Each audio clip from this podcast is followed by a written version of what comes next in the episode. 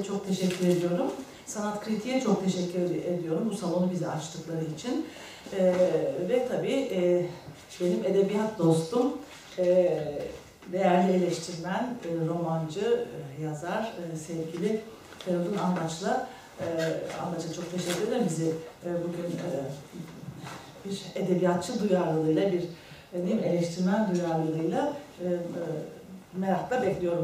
Proust'u nasıl e, ele alacaksınız? E, biz yola çıkarken e, anlatmak, hatırlamak, bellek bu üçgende konuşuruz demiştik. Ben de hep hem yazar hem edebiyat incelemecisi yani okura ne okur ne nerede kendini konumlandırıyor Proust'un yapıtında yazar nasıl bir e, süreçlerle e, romanı oluşturuyor, kuruyor. E, bunları böyle bir yetkin bir e, ağızdan dinlemek de ayrıca keyif verecek. Buyurun size. Teşekkür ediyorum, hoş geldiniz. Ee, sevgili Nedret'le e, Proust'u konuşmak e, benim için de çok anlamlı, çok kıymetli. E, şimdi e, benim Proust çalışma defterlerim var. Bu e, hem bir okur olarak hem de bir yazar olarak e, beni kendine çeken iki temel kavram var Marcel Proust'ta. Ee, zaman ve bellek. Zaten birazdan anlatacağım Henry Bergson'un şu kitabı. Ee, madde ve bellek. Ee, şimdi onun izini sürerken yapıtlarında e, hem bu kavramlardan e, yola çıkarak aldığım notlardan sizinle bazı pasajları paylaşmak istiyorum. Çünkü e, benim gözümde Marcel Proust okurunu da dönüştüren bir yazar. Eğer yazar okuması yapıyorsanız yazarı da dönüştüren bir yazar. E, size kendi sesinizi, e, kendi ruhunuzu, kendi zamanınızı yaratarak nasıl yazabileceğinizi kendinizi metnin içine koyup siz o metnin içinde gezinirken kendi meselenizi, kendi konunuzu, kendi zamanınızı yaratırken e, siz de kendi kayıp zamanınızın peşine düşüyorsunuz. E, Şimdi e, eğer bir takım kalıplarla okursanız e, ne onun döngüsüne yönelebilirsiniz, e, hatta belki biraz çok absürt ve saçma gelir. Ee, kısaca e, Proust'un tabi edebiyatımızdaki etkileri ve izlerinden de söz edeceğim. Ee, ama önce kendi edebiyat okuru olarak öncelikle, sonra da yazan biri olarak, edebiyatın birçok türünde yazan biri olarak. Ee, şimdi defterimi açtığımda bir bölüm e, var. Proust denklemi diye. Şöyle demişim. Proust çekmeceleri, Proust çekmeceleri, labirentleri olan bir anlatıcı. Anlatısının çıkış noktası geçmiş şeylerin hatırasıdır. Kayıp zamanın izinde iz düşüren de budur. Duran zamanda akan zamanın hem şimdisini hem de geçmişini anlatıyordu. Ondaki yalnızlıkta haz, acı, şefkat ve e, sevgi özlemi vardır. Tabi burada anne figürü e, önemli bir öge bence. E, hatta figür olmanın ötesinde belleğin de Marcel Proust'un kanayan bir travmadır aslında bu. Ona giderek yazsa da asıl yazacakları onun yani ondan kopuşuyla başlıyor. Belki bilirsiniz. Annesini 1905 galiba yitirdikten sonra asıl yazı yoğunluğu ondan sonra başlıyor. 1913'te de bu yedi ciltlik Kayıp Zamanın izinlerinin ilk kitabını çıkarıyor. Şimdi e, size başlangıçta izninizle e, bir Proust okuma yordamı yani buna başlarken bu, bu bir yazarı bu, okurken belki başlangıçta hemen yapıtıyla başlanılır İşte anlarsınız, anlamazsınız ya da yarı yolda bırakırsınız. E, bugünün okuru Marcel Proust'u belki en sonunda söyleyeceğim, en başta söyleyeyim. Sonra kendi yorumuma geçeceğim. E, mutlaka tırnak içinde yeni bir ya da deyimlerindeyse taptaze bir biyografi okumanızı salık veririm. Yani neden? Çünkü e, artık 100.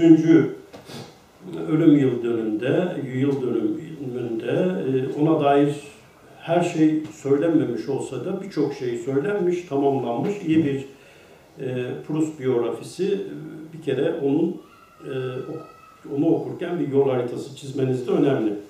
Benim için kutsal bir metindir. Bu okuma üzerine bir denemesi vardır. Sık sık kendim okuduğum gibi bunu e, hem seminerlerimde hem yaratıcı yazarlık derslerimde e, öğrencilerime ilk okuma metinlerinden biri olarak önlerine koyarım.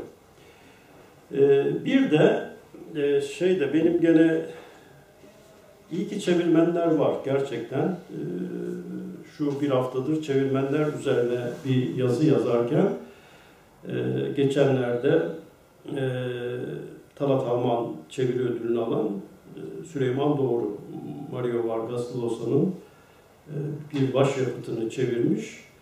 E, şimdi haftaya da onunla bir konuşmamız olacak. Gerçekten iyi ki çevirmenler var. İyi ki Rosa Hakmen var e, Marcel Proust'u okurken. Bu e, denemelerinin yer aldığı kitap da Rosa Hakmen'in çevirisi. E, biliyorsunuz e, onun birçok çevirisi var ama e, bizim e, Türkçemizde e, Marcel Proust'un bu yedi ciltlik kitabının tam çevirisini yapan kendisidir. Ve onun gene Quixote çevirisini de bilirsiniz. Şimdi neden e, iyi ki çevirmenler var diyorum? E, çünkü böylesi bir yazarı Türkçe'de okumak, anlamak ki meraklı bir okur olarak demin Nedret'e de söz ettim. E, Yakup Kadri Karaosmanoğlu'nun Milli Eğitim Bakanlığı klasiklerinden çıkmış. Kayıp Zamanın İzinden ilk kitabının e, çok da böyle karşılaştırmadım hiç e, Loza Akmen'in çevirisiyle ama o meraklı olduğum dönemde okuyup anlayamamıştım gerçekten. Sonra Tahsin Bey'in varlık yayınlarında gene bir e, Marcel Proust çeviri denemesi vardı. Diyebilirim ki Roza Akmen'i okuyana kadar e, belki de e, Proust üzerine daha fazla şey okumuştum. E, o açıdan bu o, bir, bir biyografinin dışında işte Adam Watt'ın Marcel Proust biyografisi yeni yayınlandı. E, Gallimar'ın e, e, biyografi dizisinde birkaç e, Marcel Proust e, biyografisi var. Ama Türkçeden madem gidiyoruz, e, Hazlar ve Günler. Mesela burada e, özellikle öykü diyorum ya da anlatılarda aslında Marcel Proust'un e, bu kült yapıtına gidebilmek için size bir kapı aralıyor. Sonra bu denemeleri, edebiyata bakışı, ne düşündüğü ve ki buradan bir bölüm okuyacağım zaten size. Benim e, sık sık e, Proust okurken hatırlama ve bellek üzerine çok önemli göndermeleri olan bir e, metin o. E, şimdi sıkı durun. E, bu yedi ciltlik kitabın son cildinden hep başlatırım okumaya. Zaman zaman e, Proust seminerleri yaptığımda da önce bir anlam veremezler. Yani e, dedim derim ki bu yedi cilt birbirinin devamı gibi okumayın. Ama bence bana sorarsanız e, bu e, getirmiş mi? Ha burada. Yakalanan zaman bütün Proust'un bu kült anlatısının şifrelerini barındıran bir metin, bir anlatı olarak söylerim. Onun şifrelerini de birazdan size şu çıkardığım notlardan aktarmaya çalışacağım. Ee, yan e, okuma olarak ilk önce bence yani Marcel Proust okurken ihtimal, e, şimdi felsefeyle ya da e, sosyolojiyle bir bağ kurma bağlamında söylemiyorum ama daha çok Bergson'un e, madde ve belleğini okumak bir anlamda e, Proust'u didikleyerek okuma bilincini de size taşıyacaktır ki bilenler biliyor gene. Bergson'un derslerine katıldığını biliyoruz. Ve onu bu yönden e, sezgisel anlatı, e, sezgisel e, kurgu kurabilme yönünden de etkilediğini biliyoruz. Bir parantez açarak e, şunu hemen hatırlatmak isterim. E, bizim edebiyatımızda bilirsiniz şiirde özellikle Baudelaire'in modern Türk şiirinin kuruluşu üzerinde çok etkisi vardır. Yani eğer modern Türk şiirini e, Yahya Kemal ya da bazıları Ahmet Haşim'den başlatır ki ben Yahya Kemal'den başlatmaktan yanayım. Nazım Hikmet'le de değil. E, bütün bu o kuşak sonrası neredeyse e, şiirimizin adası olan şairlerin hepsinin poetikasında Baudelaire'in etkisi vardır. Halit Ziya'dan başlayarak Yakup Kadri, Oğuz Atay, Orhan Pamuk'a kadar bu süreçteki modern kurgunun ya da romanın kuruluşunda bence Marcel Proust'un etkileri vardır. Yani bugün bir roman yazan birinin Marcel Proust okumadan roman yazmasını biraz cahil cesareti olarak nitelendiririm ben. Peki neden bu kadar fetişleştiriyor musunuz? Hayır, fetişleştirmiyorum. Ee, çünkü Proust'u okuduğunuzda karşınıza bir bellek, bilinç, zaman ve varlık e, döngüsü çıkıyor ve onun sevgisel yolculuğu ki aslında şunu da söyleyebiliriz. E, Bergson'un felsefesini iç, içselleştirdiğini pekala söyleyebilirim. Yani bizde Tanpınar'ı okuduğunuzda da yer yer Bergson'un izlerini bulursunuz ama edebi metin karşılaştırmasına gittiğinizde de e, onun da sezgisel anlatıcı olarak zaman zaman e, Marcel Proust'un izlerini onda görmeniz mümkün. Şimdi bir de e, madem ki Proust e, denkleminden söz ettim, onun alt başlıklarını açacağım. Gene e, onun çalışma notlarıma döndüğümde e, şunu diyorum. Proust bir katedrali inşa edercesine yapıtını kurmuştur. Orada karşımıza çıkan iki temel olgu vardır. Zaman ve mekan. Yaşanan zaman, yer, mekan, unutulan, hatırlanan, kaybedilen, geçmişte kalan zaman, mekan aslında belki de yapıtının yani bütün e, anlatılarının bileşkesi de bu sözünü ettiğim kavramlar üzerine kurulu. Onu bugün de okuduğumuza göre geçmişe, şimdiye bir de gelecek zamanı eklemlemek gerekiyor. Çünkü 100 yıldır kendisini okutuyorsa bize yalnızca kendi şimdisini ya da kendi şimdisinde yaşadığı geçmişi hatırlatan, kuran bir yazar değil. Aslında geleceğe de birçok sözü olan bir yazar. Ee, peki Proust anlatarak ne yapıyor? Nereye, hangi insanlık durumuna varmak istiyor? İsterseniz bunun da kısaca başlıklarını söyleyip sonra da sözü biraz Nedret'e bırakmak istiyorum. E, kayıp giden ve unutulana dönüyor ve bizi de döndürüyor. Yani kayıp giden, unutulan zamanı yakalama bilinci ki sık sık dikkat ederseniz özellikle Tanpınar'a fazla belki gönderme yapacağım. Tanpınar'ın anlatılarında bu vardır. Hatta bir gün notlarıma baktım. Yaşar Kemal'e sormuştum. Marcel Proust okudun mu Yaşar abi diye. Benim yazarım değil demişti. Onun yazarı Stendhal'ti. Ve ben de hep merak ederdim. Hatta Yaşar Kemal'in merakından dolayı Stendhal okuru olduğumu söyleyebilirim. Yani o mesela hep derdi ki e, roman yazmaya başlamadan önce mutlaka Parma Manastırı'nı okurum.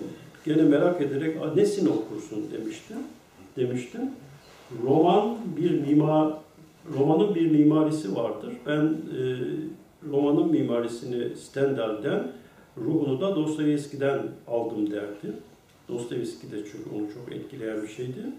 Hatta sonra bir deneme yazmaya başlamıştım. Gene Marcel Proust notlarında karşıma çıktı. Yaşar Kemal Proust'u okudum diye. Sonra biraz eleştirel ya da ironik olacak diye o denemeyi yayınlamaktan vazgeçtim. Aslında demin söylediğimi abartı saymayın. Yani roman yazan bir romancıya bence e, çok sözü olan bir anlatıcı. Ben öyle bakıyorum. Yani Marcel Proust'u zaman zaman e, sözünü ettiğim bu tür yazarları okuma değil, çalışma olarak nitelendiriyorum. Mesela Marcel Proust çalışması. Onun için çok sevdim. Yani bu 100. yılında Fransız kültürü ve e, Fransız filolojilerinin diyelim İstanbul Üniversitesi, Galatasaray Üniversitesi'nin buna katkıda bulunması, bu kültür merkezinin, burayı da ben biliyordum ama ilk defa buraya geldim. Böyle bir şeyi belki ileride bu semin, bunlar seminere dönüştürülür ve ileride e, belli yazarların, işte Flaubert'ten söz ettik aşağıda. Yuvarlak yıl dönümleri neden değerlendirilmesin? Devam edeyim isterseniz.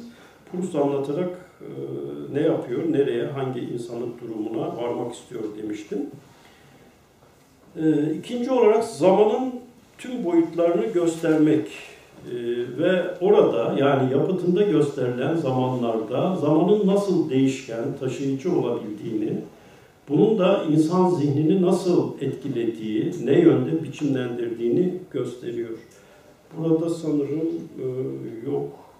Evet, e, şeyin e, gene Marcel Proust'un çünkü iyi bir zihin okuyucu aynı zamanda yani metnine baktığınızda ben bir yazarın bu yanını kendi tırnak içinde arızalar, arızalarına bakarak değerlendirmektense işte diyelim ki Dostoyevski'nin epilepsi hastası olması ya da Flaubert'in buna benzer bir hastalığının olması, işte belki Nedret o yanından söz eder, hani anne ve kendi ruh yapısıyla ilgili. Devam edeyim. Yakalanan zaman 7. kitap belki de tümden kurulan bu kurmaca katedralinin en derişik anlamını açıklar bize. Bence Proust anlatısının şifreleri bu kitabındadır. Şimdi burada bir ara vereyim. Notlarımı bir koyayım. Evet nedir? belki sorularım ve senin de evet. düşüncelerine devam edelim. Ben e, sizi dinlerken tabii notları alıyorum her zamanki gibi. E, kaybolmuşluk, kaybolmuşluk işte perdiyor yani kayıp, kayıp bir şey var, bir zaman var. O ne kadar kaybolmuş?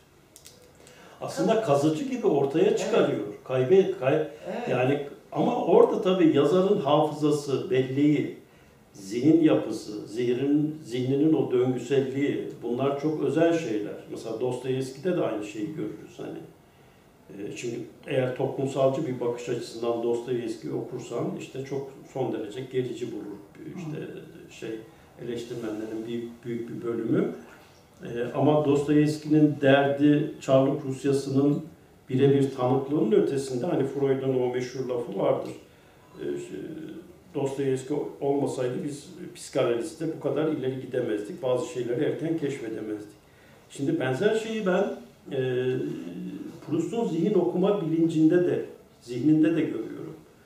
E, yani e, o anlamda dediğin gibi ne kadar kayıp, hayır. Ona nasıl bakmamız, nasıl anlamamız, nasıl anlatmamız gerektiğini göstermesi. Yoksa ben bir olay örgüsü ya da bir durumu, bir toplumsal ya da bireysel gerçekliği anlatan bir roman gibi okumadım, okumuyorum da. Buna itiraz edebilirsiniz belki. Bir metin kurucu. Demin dedim ki bir Proust denklemi var. Bunun içine psikanaliz de giriyor. Ee, bugün e, insan zihninin, insan beyninin çalışma biçimi, bu artık bilim. Ee, bu yönde de belki e, Marcel Proust okunduğunda e, çünkü iyi bir zihin okuyucu aynı zamanda bunları görebiliriz. Ama bir yanıyla da bir katedral inşa ediyor demiştim. Bunu da hiç yabana atmamak gerekiyor. Ee, şimdi siz olay örgüsü yok diyorsunuz. Ee, itiraz edilebilir mi? Hayır itiraz edilemez. Zaten Proust'u okuyan, e, Proust'u çalışanların hepsinin ortak fikri burada olay yok. Yok. Olay yok. Burada sadece durumlar var. Ee, işte bir salonda bir toplantı işte betiminde orada işte kim kime nasıl bakıyor, kim kimi nasıl e, küçümseyerek bakıyor. Onu bir anlatabilirsin Bilmem. Nedret? Hani bu uşağını gönderiyoruz toplantılara, salon kendi artık gidemiyor. Geldikten sonra onu ona anlattırıyor, dinliyor. Öyle bir anekdot var. Ee, evet, Değil o da var. Yani ee, Şimdi o yanı bizim Muzaffer Buyrukçu diye bir öykü ve romancımız vardır. Ee, ben onun günlüklerini e, ben de bir gün o günlüklerde kendimi gördüğümde şaşırdım. Böyle bir durumu yaşadık ama yaşadığımız gibi yazmamış Muzaffer Buyrukçu. Bugüne kadar mesela Muzaffer Buyrukçu'nun günlükleriyle Marcel Proust'un e, bu yapıtı karşılaştırıldığında olağanüstü bir biridir şey Muzaffer Buyrukçu'nun günlükleri. Roman ve öykülerinden çok daha önemlidir. Bizde salon edebiyatı ya da salon toplantıları yoktur ama Muzaffer Buyrukçu ki 1950 kuşağı yazarıdır. İşte en yakın dostu Cemal Süreyya'dır. Yani ben de kendisini tanıdım, yayıncısı oldum. Onun günlükleri aşağı yukarı herhalde 10 küsür cilttir. E, Yani yayınlanmıştı bir dönem. Şimdi yeni bir yayın evi e, onu yayınlamaya başladı. Zaman zaman Marcel Proust'un bu zamana bakışı, zamanı dönüştürerek anlatması, o durumları tespit etmesi. Mesela Muzaffer Buyrukçu'yla diyelim ki bir yerdesiniz, bir ödül töreni olabilir, bir yemek olabilir. İhtimal şunu düşünüyor onun yakın dostları. Şimdi bu gider akşam bunları yazar ve nitekim de yazmıştır yani. o günlüklerinde yalnızca bizim edebiyat dünyamızın durumu değil aslında bir anlatıcının bilinci ve bakışı da ortaya çıkar. Güzel oldu bunu söylemeniz. Ben de e, e, bu konuda iki bilgiyi paylaşmak isterim. Bir, bu günlük not tutma, gittiği yerlerde işte e, bir aristokrat salonunda, bir davette neler oluyor, neler bitiyor bunları tutma, yazma e, e, işte pratiği çok bilinen bir şey. Bunların bir, bir kısmı Le Figaro'da yayınlanıyor cemiyet sayfalarında. O zaman bir de bu şeyler, gazeteler işte o, o dönemde işte Epoque dönemi bir de işte aristokrasi hala güçlü, işte salonlar, davetler falan bunlar e, ilan olarak ilan veriliyor. Mesela Madame de bilmem kimin evindeki davette diyor. Şunlar şunlar geldi. Bunlar gazetelerde bayağı yazılıyor. Şunlar geldi, katılanlar şunlardı, şu parçalar çalındı. E, işte e, Aslında dedikodu değil ama. Hayır değil. Bunu- Selim İleri e, 70'lerde e, gazetede Ortalık diye bir köşesi vardı. O dedikoduydu. Çok da başına iş aldı bundan. Bu, bu değil. Bu değil, öyle bir şey değil, evet. Sonra biz onları e, işte bu Evet. sayfalarda buluyoruz. E, bu bir pratik yani şeyin e, yaptığı bir pratik. En en e, yazdığı en çok en saygın gazete tabii Le Figaro. E, bir de e, uşağı oluyor dediniz de aklıma bir özelliği geldi. Şimdi Marcel Proust bu ortama özellikle Saint Germain muhitine girmeyi çok istiyor. Oraya ait değil. O aristokrasiden gelmiyor. İyi bir burjuva aileden yani seçkin bir burjuva aileden geliyor. Üstelik baba tarafı da bayağı okumuş. Bunlar e, zengin, Varlıklı, zengin, evet, varlıklı evet. bir aile. Oraya çok girmek istiyor ve e, büyük bir özlem aslında. O şey, e, o, neyse bir iki işte ilk soğan sonra daha sonra birazcık başarı falan kazanıyor. Okunup da birazcık anlaşılınca e, oranın kapıları açılıyor. Orada kendine bir güven geliyor bunun. İşte bu zihin okuyuculuğu orada e, devreye giriyor. E, bir de sadece zihin okuyucusu değil, o bayağı bir gösterge bilimci gibi Evet. daha giysileri okuyor, yüz hatlarını okuyor, saçtaki, Nesneler, evet, e, saçlardaki objeler, bir evet. Şey, e, işte o meşhur o Katlea'da Hmm. şeyin kadının e, taktığı çiçek mi adetin. E, böyle bir e, sofra adapları, işte getirilen yemeklerin buharına kadar, tüten buharına kadar bunları okuyor. Yani sadece e, karşıdaki insanın zihnini kendi zihnini çok iyi analiz ettiği için tabii e, oradaki işte dolambaçları, e, ka- kavisleri, işte girdileri, çıktıları bak bakarken kendine baktığı gibi karşı tarafa bakıyor, üçüncü kişiye bakıyor ama onun yanı sıra bütün bir toplumsal e, ritüelleri, işte pratikleri, e, selamlaşma, işte dediğim gibi de bu sınıflar arasılık çok şeydir yani. Bir sınıf öbürünü beğenmez. E, şey, e, Oryan, e, German düşesi, o onun eline sıkmaya gelirler bir davette. Şöyle bir şey yapar, küçümseyerek bakar yani. Bütün bunları da çok iyi yakından okumuş. Şimdi bu dediğinizi pekiştiren bir notum var. Şimdi de saklı duranı o zihin okuma biçimiyle ortaya çıkarır. Bu da bizi ister istemez zamanın boyutlarına taşır. Proust'un anlatılarının edimi kendi içinde süreklilik taşır. Her parça onda bütünü oluşturan bir ses, renk ve biçimdir. Dağılan, çözülen zamanın aralıklarından bakar her şeye. An o nedenle önemlidir. Bir bakıma Proust katarisi olarak da okumalıdır, okunmalıdır bunlar. Ona işte bunu yaşatan kendi özel durumu ve konumudur. Demin sözünü ettiğim annesi, hastalık, ruhsal yapısı E, ve bunların tümüyle iz düşümü yalnızlık. Şimdi geriye geçmişe dönerek bugünü anlatır aslında. Ve orada anlatıcının yani anlatanın zihin okuma süreçlerinin tümünü görürüz. Birkaç tane e, izleklerden söz edeyim. Mesela arayış, acı, sızı, kavrayış, eksiklik, sonsuzluk, keder, bağlanış, tükeniş, sanrı, haz, hatırlayış, bellek kanaması, çağrışımlar. Onun anlatısında zamanın belleği hatırlanman, hatırlanan zihnin ve mekanın da belleğidir aynı zamanda.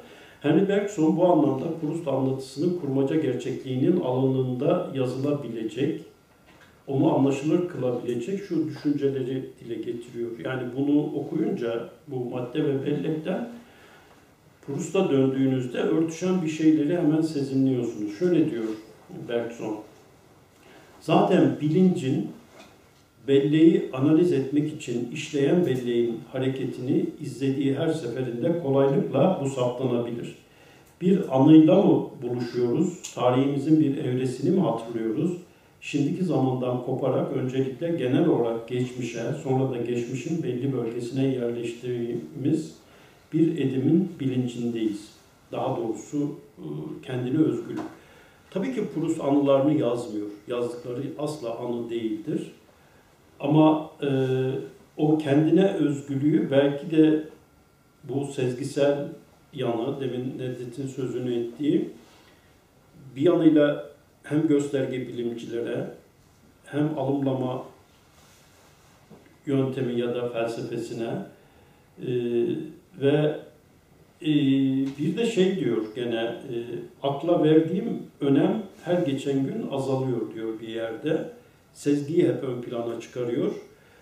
E, burada tikel olanı bireyselleştirip içselleşme hafızasında biçimleyen onun hatırlama algısıdır. Geçmiş onda hatırlanan yer, zaman, mekan da vardır. Sonra da insanla anlatısının dizimlenişinde böyledir bence. Şimdi hep şunu söylerim. Bir yazar algısı kadardır. Ee, şimdi Proust belki de bize e, Fransız edebiyatında özellikle varoluşçu edebiyat üzerinde bence epeyce bir etkisi olduğunu düşünüyorum. Ee, hem de e, 20. yüzyıl e, varlık felsefesinin üzerinde, varoluş felsefesi üzerinde çalışanlar bunu e, daha iyi görebilir. Şimdi bu anlamda şimdide olanla geçmişte olanı ve hep var olanı yapıtında buluşturmuş olması önemli. Ee, bir yanda bir duyum, bir uyarı vardır. Ee, diğer yanda da metninde sürekli bir devinim vardır yani. Ee, dönüşler vardır. O anlamda şey de bu yapıtında şöyle bir bölüm var. iki bölüm var. Altını sizinle paylaşmak istediğim, çizdiğim. Biri şu. Ee, zamanın kurallarından sıyrılmış olan bir dakika kendisini hissetsin diye zamanın kurallarından sıyrılmış insanı içimizde tekrar yaratır. Bu insanın bir maddenin basit tadı mantıken o mutluluk için bir sebep teşkil etmese de güvenli bir mutluluk duyması ve ölüm kelimesinin onun için bir anlam ifade etmemesi anlaşılırdır. O mutluluk zamanının dışında yer alan bu insanın gelecekten nasıl bir korkusu olabilir ki? Bir de e, çünkü sanat, ha şunu diyor. Çünkü sanat duygusundan yoksun olan yani içsel gerçekliğe boyun eğmekten aciz kişiler sanat konusunda uzun uzadıya tartışma yeteneğine sahip olabilirler. Kayıp zamanı yakalamanın tek yolunun sanat eseri olduğunu algılamamı sağlayan ışık kadar parlak olmayan bir başka ışık parladı içimde. Şimdi e, Arjantinli yazar e, Cortázar'ın Seksek diye bir romanı vardır. Bir de Son Round. Şimdi Son Round'u e, Seksek'tense Son Round e, katmanlı ve bir melez anlatı aslında. Zaman zaman e, Proust'un bu anlatıcı belleğinin e, Cortázar'ın ki kendisine öykücü olarak nitelendirir. asla ben roman yazmış olsam da kendimi romancı olarak tanımlamıyorum. Ama son roundunu okuduğunuzda melez bir anlatının aslında o da iyi bir zihin okuyucu bence şey e, Kortazar. E, ihtimal e, Borges'in de e, Proust'u bildiğini biliyoruz. Proust üzerine yazdığını biliyoruz. Yani onun anlatısındaki labirent kavramı ki bundan Kortazar da çok söz eder ve etkilenmiştir. Belki de e, Proust anlatılarının katmanlarını açtığımızda karşımıza bunlar da çıkıyor. Yani bir labirent anlatı yolunu, yordamını da onun metinlerinde bulabiliriz. Şimdi e, her yazar kendi varlık ve zamanından doğar diyorum ben. Aslında e, bu her yazarı belki de özgün yazarlar, kendi sesi olan yazarlar için söyleyebilirim. E, bu anlamda demin hani Dostoyevski'den söz etmiştim. E, şimdi bir yerde şunu söylüyor Sıvanların tarafında Proust. Geçmişimiz içinde aynı şey geçerlidir. Geçmişi hatırlama gayretimiz nafile. Zihnimizin bütün çabaları boşunadır. Geçmiş zihnin hakimiyet alanının, kavrayış gücünün dışında bir yerde hiç ihtimal vermediğimiz bir nesnenin, bu nesnenin bize yaşatacağı duygunun içinde gizlidir. Bu nesneye ölmeden önce rastlayıp rastlamamamız ise tesadüfe bağlıdır. Benim e, Yaşar Kemal anlatıcılığı için bir tespitim vardı. E, bunu hem yazdım hem kendisiyle de paylaştığım için sizinle de paylaşabilirim. E, kendi e, anlatısından esinlenen, kendi sezgisel yolculuğundan yaratıcılığının yönünü belirleyen bir yazar aynı zamanda Yaşar Kemal. Yani çok böyle planlı programlı yazan biri olmadığını e, görmüştüm, konuşmuştuk da. O tabii hep anlatırdı. Hatta bir gün kendisine ya Yaşar bunu daha önce bana anlatmıştın demiştim. Hayır dedi. Ben her anlatışta yeniden yazarım. Yalnızca sana anlatmıyorum. Hani yakın dostlarına anlatırken. Ama e, diyelim ki sarıdan söz ediyorsa ya da maviden söz ediyorsa yazdığı an, yazarken sonrasında kuracağı cümleyi, imgeyi, metnin akışını kendi yazma ritminden biçimleyen bir yanı var. E, yer yer ben Marcel Proust okumalarında Proust'un da bu yanını gördüğümü söyleyebilirim. E, şimdi e, hatta bir yerde şunu söyleyebiliriz. Yani kendi yarattığı dünyada anlattığı insan ve yaşam gerçekliği kendi tezgahına gelen yaşamsal hakikatin dışında bir de sezgisel ve duyusal hakikati var ki onunla belki de o sezgi gücünün e, yani yalnızca Bergson'un felsefesini okuyarak şöyle yapayım demiş değil ama kendi sezgi gücü bütün bunları bir araya derleyip e, toparlamış. Hatta bu tat ve koku, görme, dokunma, işitme konusunda şurada bu kitabının girişinde ön sözde hoş bir ifadesi var. Onu paylaşmak istiyorum. Bil, okuyanların bildiği bir şey. Ee, şuradan okuyayım. O zaman hatırladım. Her sabah giyinir giyinmez büyük babamın odasına inerdim. Ben yanıma yanına gittiğimde az önce uyanmış çayını içiyor olurdu. Çaya bir peksimet batırıp bana yedirirdi.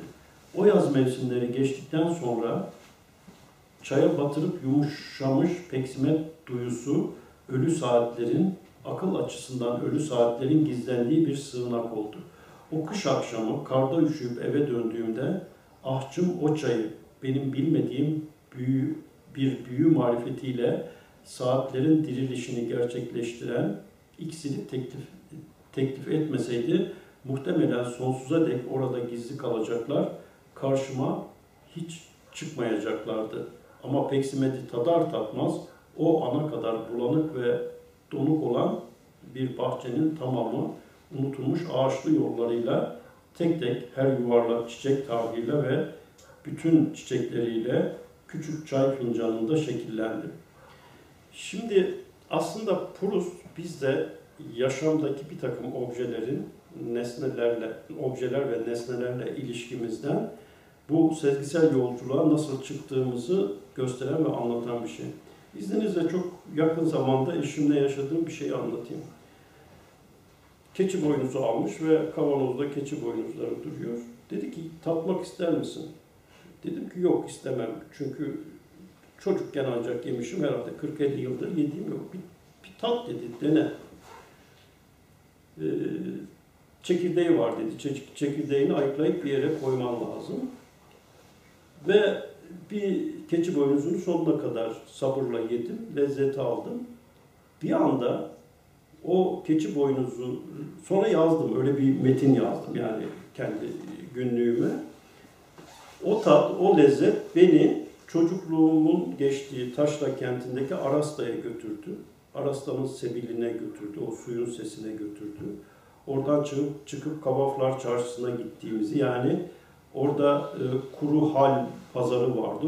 Oradan demek ki keçi boynuzu almışız herhalde yemişim falan. Bir tat bakın. Bir keçi boynuzu tadı.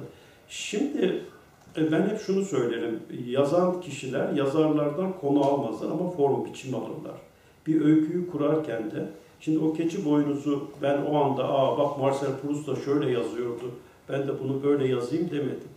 Ama bir belki edebi gelenekten söz ediyorsak, yazınsal gelenekten söz ediyorsak, şimdi e, şeyin e, Borges'in Shakespeare'in belleği diye hoş bir denemesi vardır.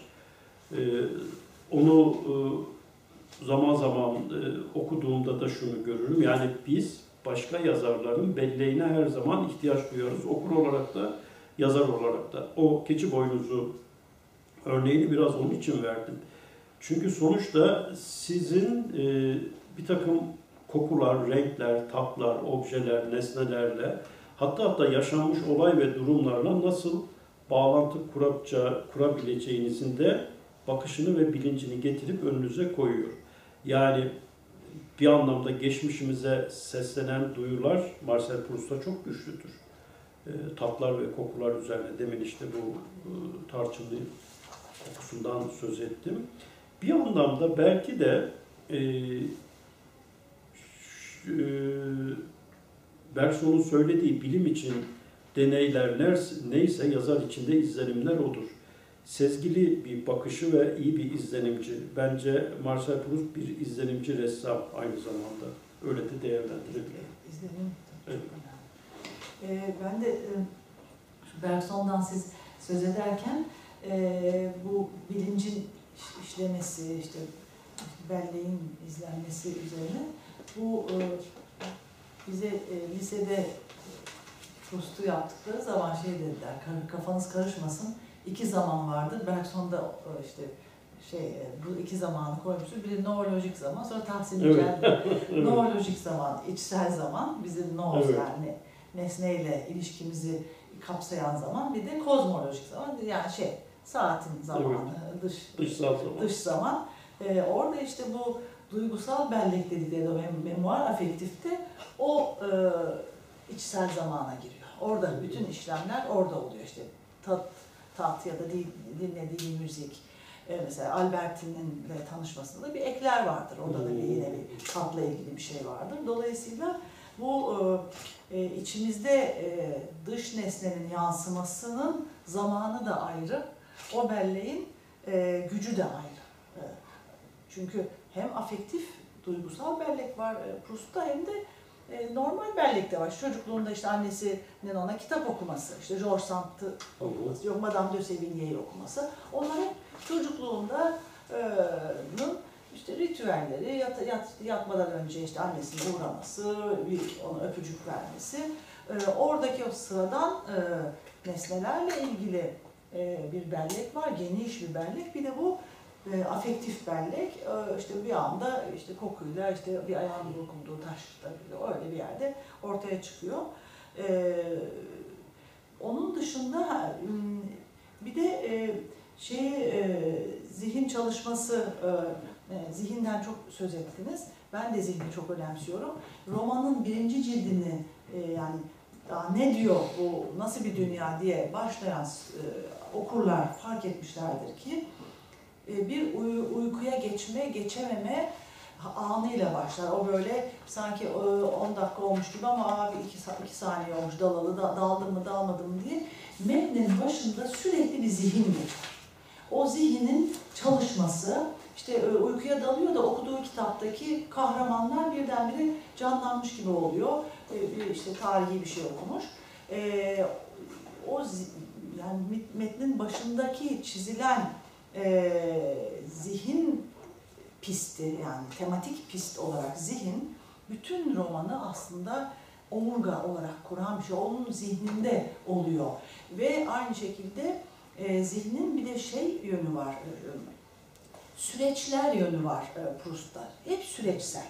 Bir şeyin başlaması, sürmesi, askıya alınması, sonra tekrar sürmesi, e, o süreçsellik de o e, proses edilmesi e, şeyin işte algılananın e, her her etapta var. Mesela. Gilbert'le karşılaşması. Albertine'le tanışması, o e, çiçek açmış kız genç kızların gölgesinde de mesela o kızların ilk o genç kızları gördüğü yer işte Balbek'te yazlıkta e, bulut gibi, martılar gibi gelirler. O kadar güzeldir ki onu anlatması genç kızlar. Çünkü romanın sonuna doğru ilerliyoruz, ilerliyoruz. Bu genç kızlar nerede? Çünkü işte Sen Louis'la tanıştı, işte beni beğendi. Bir de yalnızlık dediniz ya, çok yalnız ve çok beğenilmek istiyor. Çok ilişki kurmak istiyor.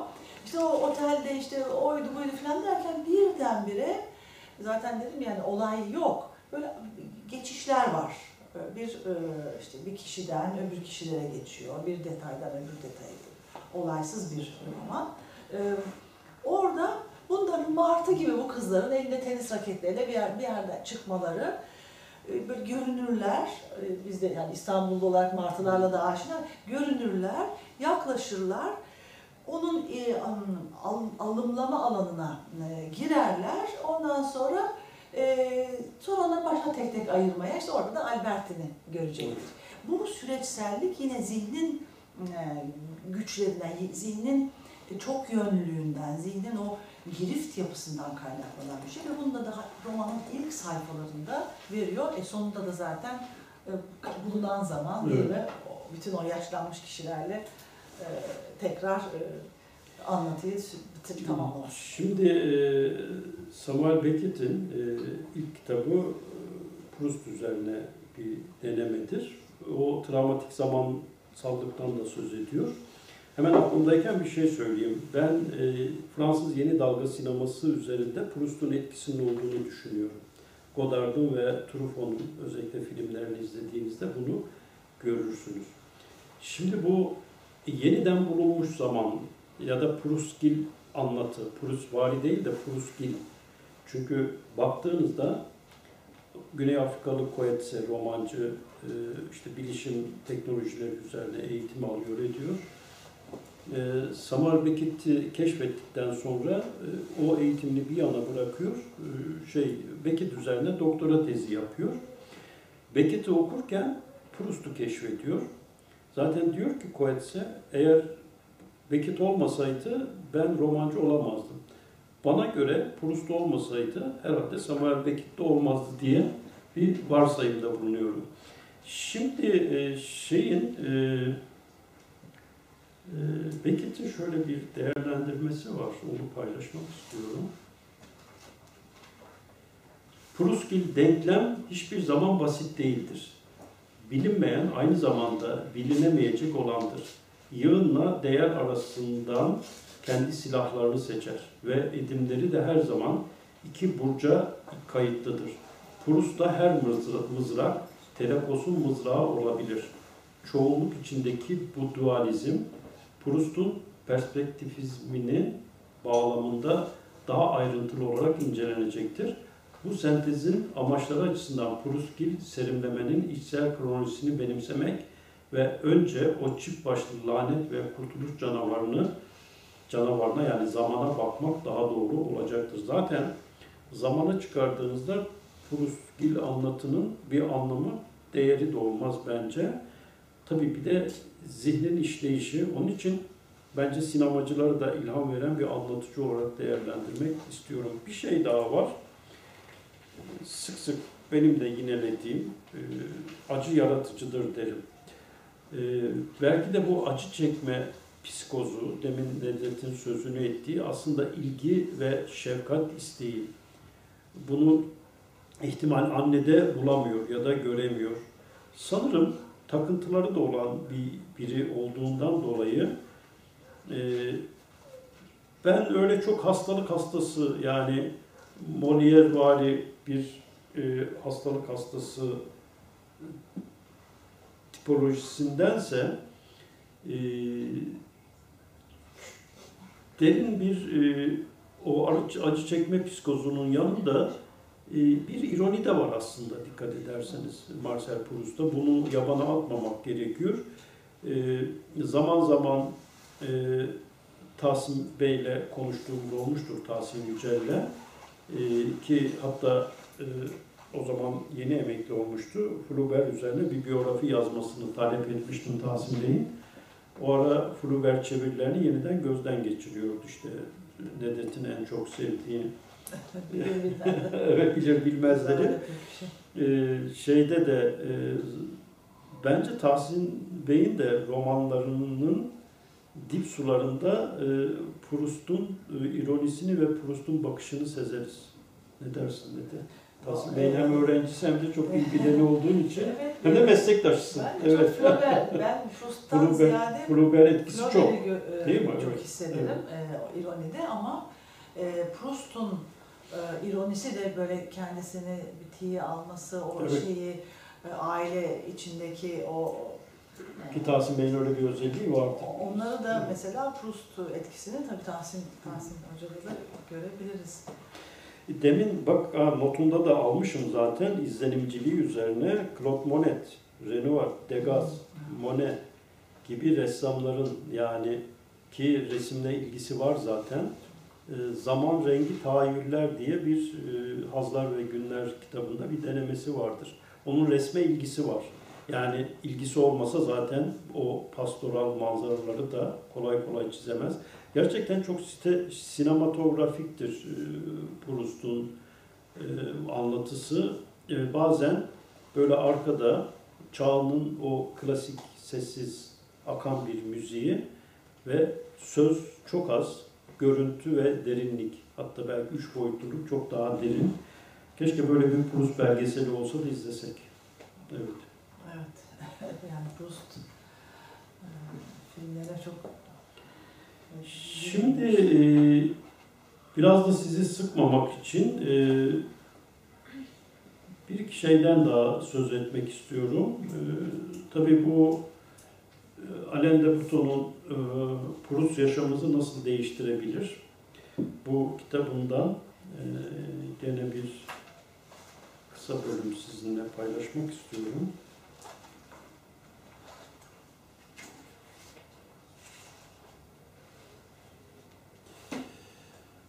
Ee, 38. Ee, gazete okumak onda karmaşık hisler uyandırıyordu. 7 ciltlik bir romanı 15 saniyeye sıkıştırma düşüncesi ne kadar garip olursa olsun, düzenli olarak yayınlanma ve geniş kitlelere seslenme açısından bakıldığında sıkıştırma konusunda belki de hiçbir şey bir günlük gazeteyi geçemez. Günlük gazetelerde rahatlıkla 20 cildi doldurabilecek öyküler daracık sütunlarda anlatılır. Yaşadıkları anda derin anlamlar taşıyan ve ama artık renksizleşen bir sürü dram okuyuculuğun ilgisini çekmek için yarışır. Ee, aslında ilginç bir tespiti var. Bu kitabın bir bölümünde bundan söz ediyor. Benim konuşmamın başına dönecek olursam bir okur olarak, yazan bir okur olarak Proust'tan çok şey öğrendim. Ee, ben de yıllardır gazete okuyan biriyim ama e, o öğrendiklerimden birisi gazete okurken bilmiyorum yapar mısınız ya da yapanlar var mıdır? Ee, bir gazete okuma defterim vardır. O defteri açarım. İlgimi çeken konuların başlıklarını ya da temaları not ederim. Yıllardır bunu yaparım. Hatta gazete okuma günlüğü demişim. Bugün hala gene dijital değil de gazete yani kağıt olarak alır okurum. Bundan hem yazar olarak kendim çok yararlanmışımdır. Hem de bu ayrıntılara bakma biçimi, bilinci. Bazen de bazı trajik olayların 3. sayfa haberlerinin takipçisi olmuşumdur. Yani şu anda size belki birkaç hafızamda olan birkaç tane önemli haberi sayabilirim. Aradan diyelim ki 8-10 yıl geçmiştir. Hatta hiç unutmadığım, derslerde de yazdırdığım bir şey vardı. Şimdi bu nereden geldi? Aslında Proust size bir bakma, görme, algılama, yazma bilincini de aynı zamanda taşıyor. Yani onun için demin dedim ki şey yani Proust okunmaz, Proust çalışılır aslında. Okuyup geçilen bir yazar değil, durulan bir yazardır. Bu anlamda e, zaman zaman belki benim de bu edindiğim, Proust'tan edindiğim yöntemler ya da biçimler bazılarınca takıntı olarak nitelendirilse de e, sonuçta hele hele e, hem yazıyorsanız, sürekli yazıyorsanız, işte gazetede yazıyorsunuz, dergilerde yazıyorsunuz, bir de sürekli ders veriyorsanız sizin elinizin altında da beni bağışlayın ama Proust gibi bir enstrüman var. Bir derinliği olan bir yazar var. Ee, şimdi e, geçenlerde e, Moby Dick e, üzerinde bir seminer, 8 haftalık bir seminer yapıyorduk yaratıcı yazarlık derslerinde. İyi de oldu. Nedret bunu bana önerdiğinde dedim ki hazır olsun öğrenciler 8 haftalık bir Proust semineri yapacağız. Ama o şu, yalnızca Proust'u ya da e, Herman Melville'nin Moby Dick'ini anlama değil. Öyle kült bir yapıt ki derim ben, ki e, Proust da öyledir. Size deneme yazmayı öğretir, düşünme biçimini öğretir, roman yazma tekniklerini öğretir. Şimdi gene e, itirazınız olabilir. E, bazı romancılar için derim ki, e, size roman yazmayı öğretmez roman yazma tekniğini vermez. Mesela Dostoyevski'yi okuduğunuzda her ne kadar onun tekniği üzerine birçok eleştiriler getirilmiş de olsa e, Dostoyevski e, öğretir. Ama Marquez'i okuduğunuzda roman yazma tekniğini öğrenemezsiniz. O da roman yazma tekniğini özellikle kendi ilk romanını yazar, daha doğrusu 100 yıllık yalnızlığı yazarken iki önemli romancıya, üç tane hatta başvurmuş teknik açısından kendi itiraf ediyor. James Joyce Virginia Woolf'un Dalgalar, Mrs. Dalloway, Deniz Feneri romanları, bir de William Faulkner. Faulkner'dan ne almış? Ee, kendi insanımın, kendi e, ülkemin e, gerçekliğini, yani toprak insanlığın gerçekliğini nasıl anlatabilirim bilincini Faulkner'dan öğrendim. Ama James Joyce ve Virginia Woolf bana bir de Kafka nasıl yazabileceğimi bana öğretti. Ben e, Marcel Proust'un bir yazara, demin okuduğum bölüm yani bu son kitabında yer yer deneme, şiirsel metinler e, çağrıştıran e, bir üslubu, bir tarzı var aslında. E, şeyde de e, Kortazar'la bağlantı kurma nedenim de biraz oydu. Ama sanırım özellikle Türk Edebiyatı'nda yani kendi edebiyatımızdan aldığım yazarlar içinde e, Oğuz Atay'dan, işte Halisiye Uşaklıgil'den, Tanpınar'dan Orhan Pamuk'a kadar birçok yazarın özellikle romana bakışı, roman dünyalarını kurmalarında Marcel Proust'un etkileyici olduğunu söyleyebilirim. Tabii bir de e, bir, e, bilmiyorum ne de sen bilirsin belki, e, Fransızca'da bir Marcel Proust sözlüğü var mı? E, yıllar önce e, Londra'da bir Dickens sözlüğü bulmuştum İngilizce. Çok da hoşuma gitmişti. Hatta dedim ki bu yöntemle bir Yaşar Kemal sözlüğü yapsam. E, madem ki 100. yıl eğer böyle bir kitap varsa bunun çevrilmesine de öncülük ederseniz sevinirim. Mutlaka bir kurus sözlüğü vardır ihtimal. Sözlüğü olabilecek yazarlardan birisidir. Yani demin imge, zaman, düşsellik, hayal gücü kavramları, metaforlar, olağanüstü metaforları olan bir yazardır bence. Ee, tabii o yaratıcı beni ol, olmasaydı, o yaşantı gerçekliği olmasaydı Proust olmazdı bence. Bir şey daha ekleyip sözüme son vereyim isterseniz. Ee, aslında 19. yüzyıl e, ve 20. yüzyıl başlangıcı ya da iki yüzyılın tam kesişme noktasında bir yazardır. Ee, eksik olanı değil de o bütünü yani yüzyıl romanının, geçiş dönemi romanının bütününün içinde tamamlayıcı bir ögedir bence Marcel Proust. Yani Flaubert'de eksik olan deyim yerindeyse Stendhal'de, Balzac'da, Emile Zola'da özellikle Fransız edebiyatı bağlamında söylüyorum. Eksik olanı tamamlayıcı bir unsur olarak da Marcel Proust'u okuyabiliriz. Aramızda akademisyenler var, ee, özellikle Fransız filolojisinden. ihtimal bu konu üzerinde düşünmüşlerdir. Belki bu konudaki düşüncelerini burada bizimle paylaşırlarsa sevinirim. sevinirim. Ben biraz öyle görüyorum. Proust aynı zamanda romancılığıyla, bence anlatıcılığıyla geçiş dönemi, özellikle iki yüzyılın bağlandığı bir dönemde e, modern romanın kuruluşunda tamamlayıcı bir öge olarak da okuyabiliriz diye düşünüyorum. Teşekkür ederim. Ben teşekkür ederim. Çok kendi adıma çok yararlandım. Hemen e, katkı ya da soru varsa onlara e, geçelim. Buyurun. Merhaba, çok teşekkürler. Umarım çok amatörce bir soru olmaz. Proust'a çok fazla Proust'a çok fazla aşina değilim ama Virginia Woolf okuyucusuyum bayağı. Em, Arada bilinç akışıyla ilgili bir benzerlik var mı onu soracaktım. Var, kesin var.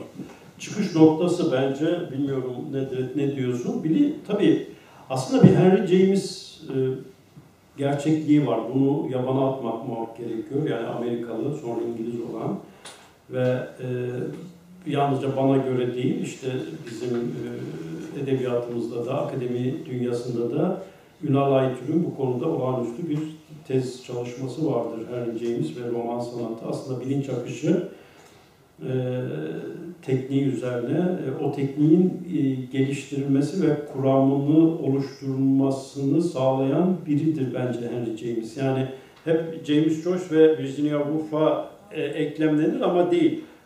Ama e, bence Marcel Proust'un anlatısı yani bu kayıp zaman izinde bu bakışın daha doğrusu bu anlatım biçiminin e, birçok katmandaki örneklerini içerdiğini söyleyebilirim.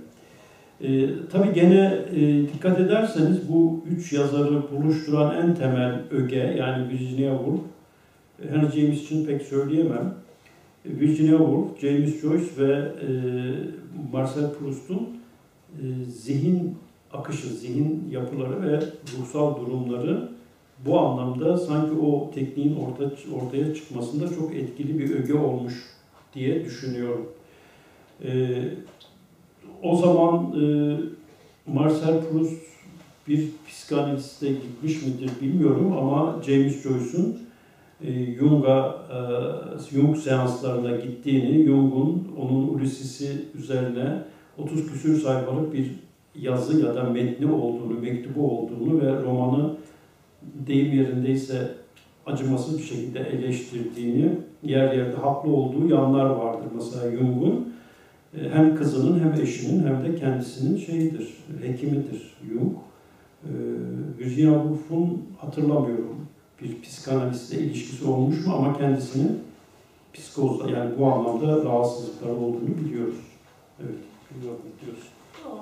Evet. Başka sorumuz katkı? Şimdi bir hocam vardı, Engin hocam. Engin Hocam. Ee, ha, ben aslında biraz da sizi düşünerek söyledim. yazmış. Ee, Siz ne diyorsunuz? Bu e, benim de merak ettiğim bir unsurdur.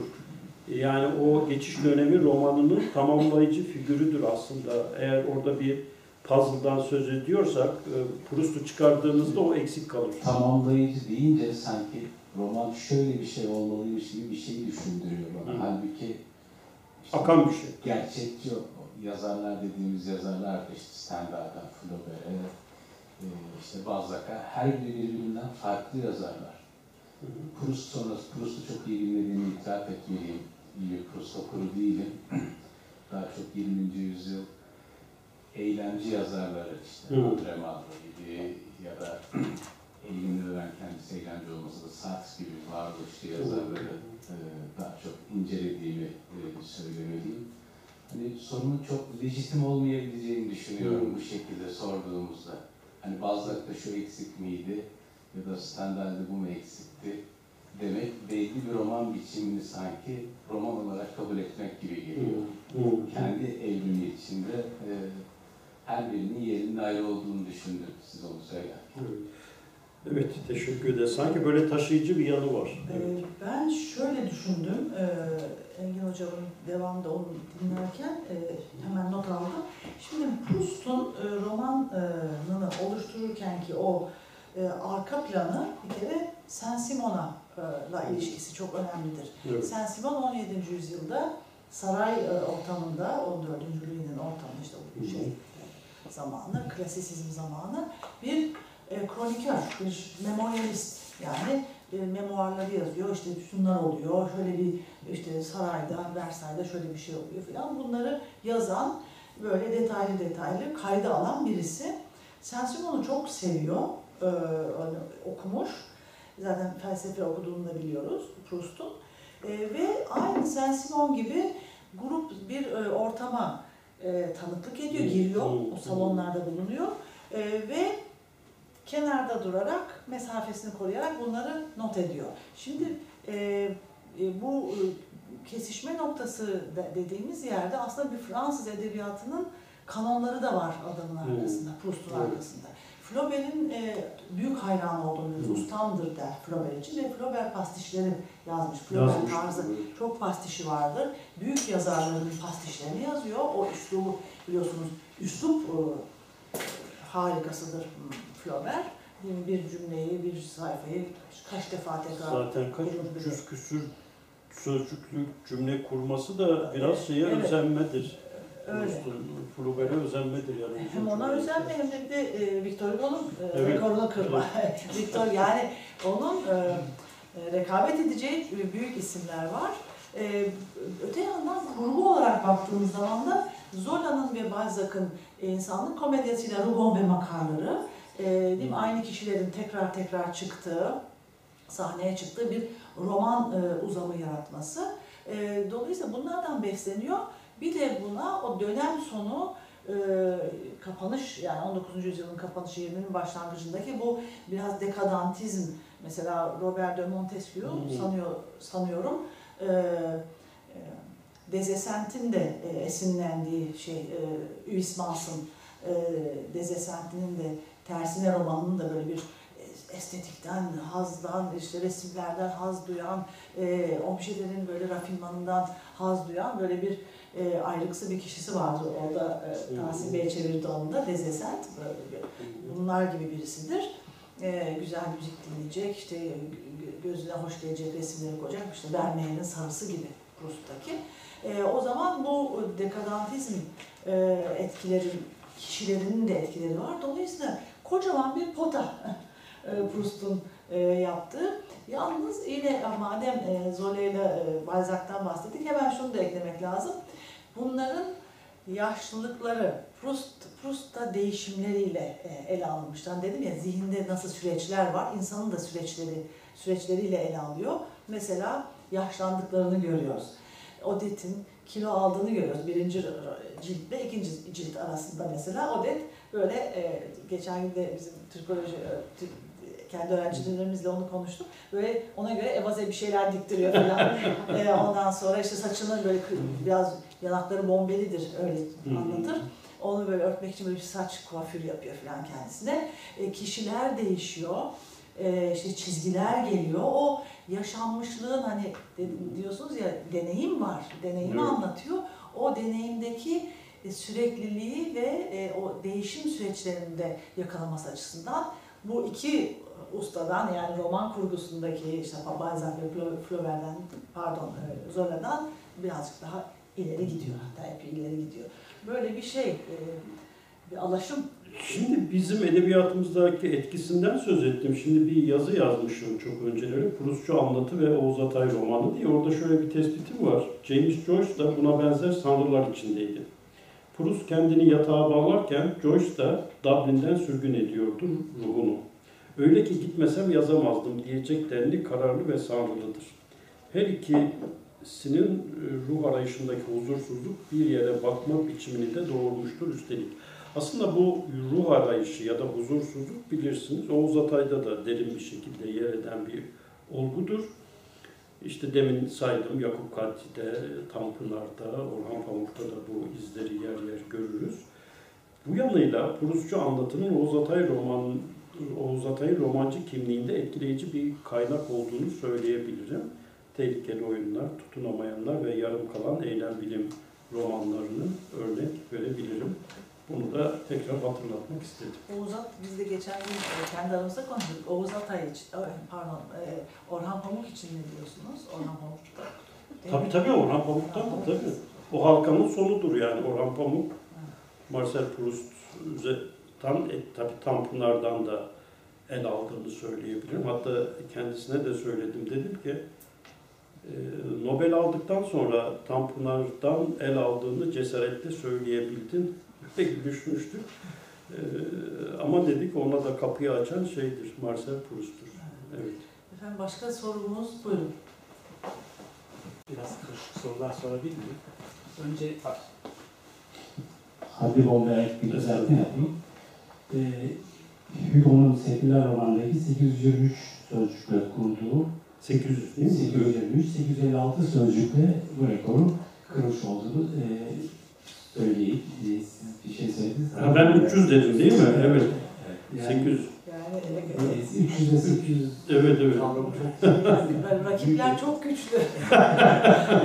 Proust'un rakipleri çok güçlü. E, Şimdi ben e, biraz Hemen bir şey söyleyeyim. Kara, Kara Kitap başlı başına Proust etkisinde yazılmış bir roman olarak nitelendirebiliriz. Pardon buyurun. aramızda bir olan pamuk hayranı var da onun Evet. için öyle bir gönderme yapıyorum. Şimdi ben e, birkaç karışık olacak. Belki bir Anatole Frans'ın olduğu söylenen bir sözcük var. Hayat, hayat kayıp zamanı okumak için çok kısa e, demiş. E, ve bunun dışında sınıfsal bir e, duruş sergilemediği için kendisini Eleştiriyoruz. e, burjuva yazar e, şeklinde eleştirmeler var.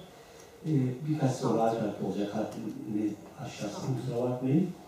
E, bir de yazarlar, yazarlık ve üslup konusundaki görüşlerini e, merak ediyorum. Sizin görüşleriniz Marcel Proust üzerinden.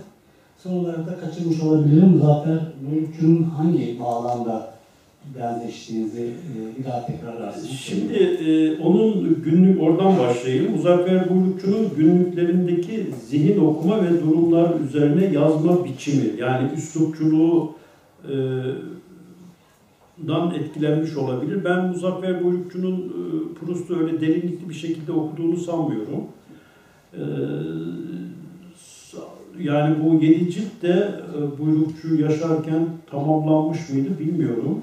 Hiç de sormadım ama benim buyrukçu okumalarımdan ve karşılaşmalar, karşılaştırmalardan böyle bir sezgisel bir benzerlik değil. Yani baktığımızda buyrukçunun bize özgü yani onun günlüklerindeki üslubu, tarzı hiç not almazdı mesela.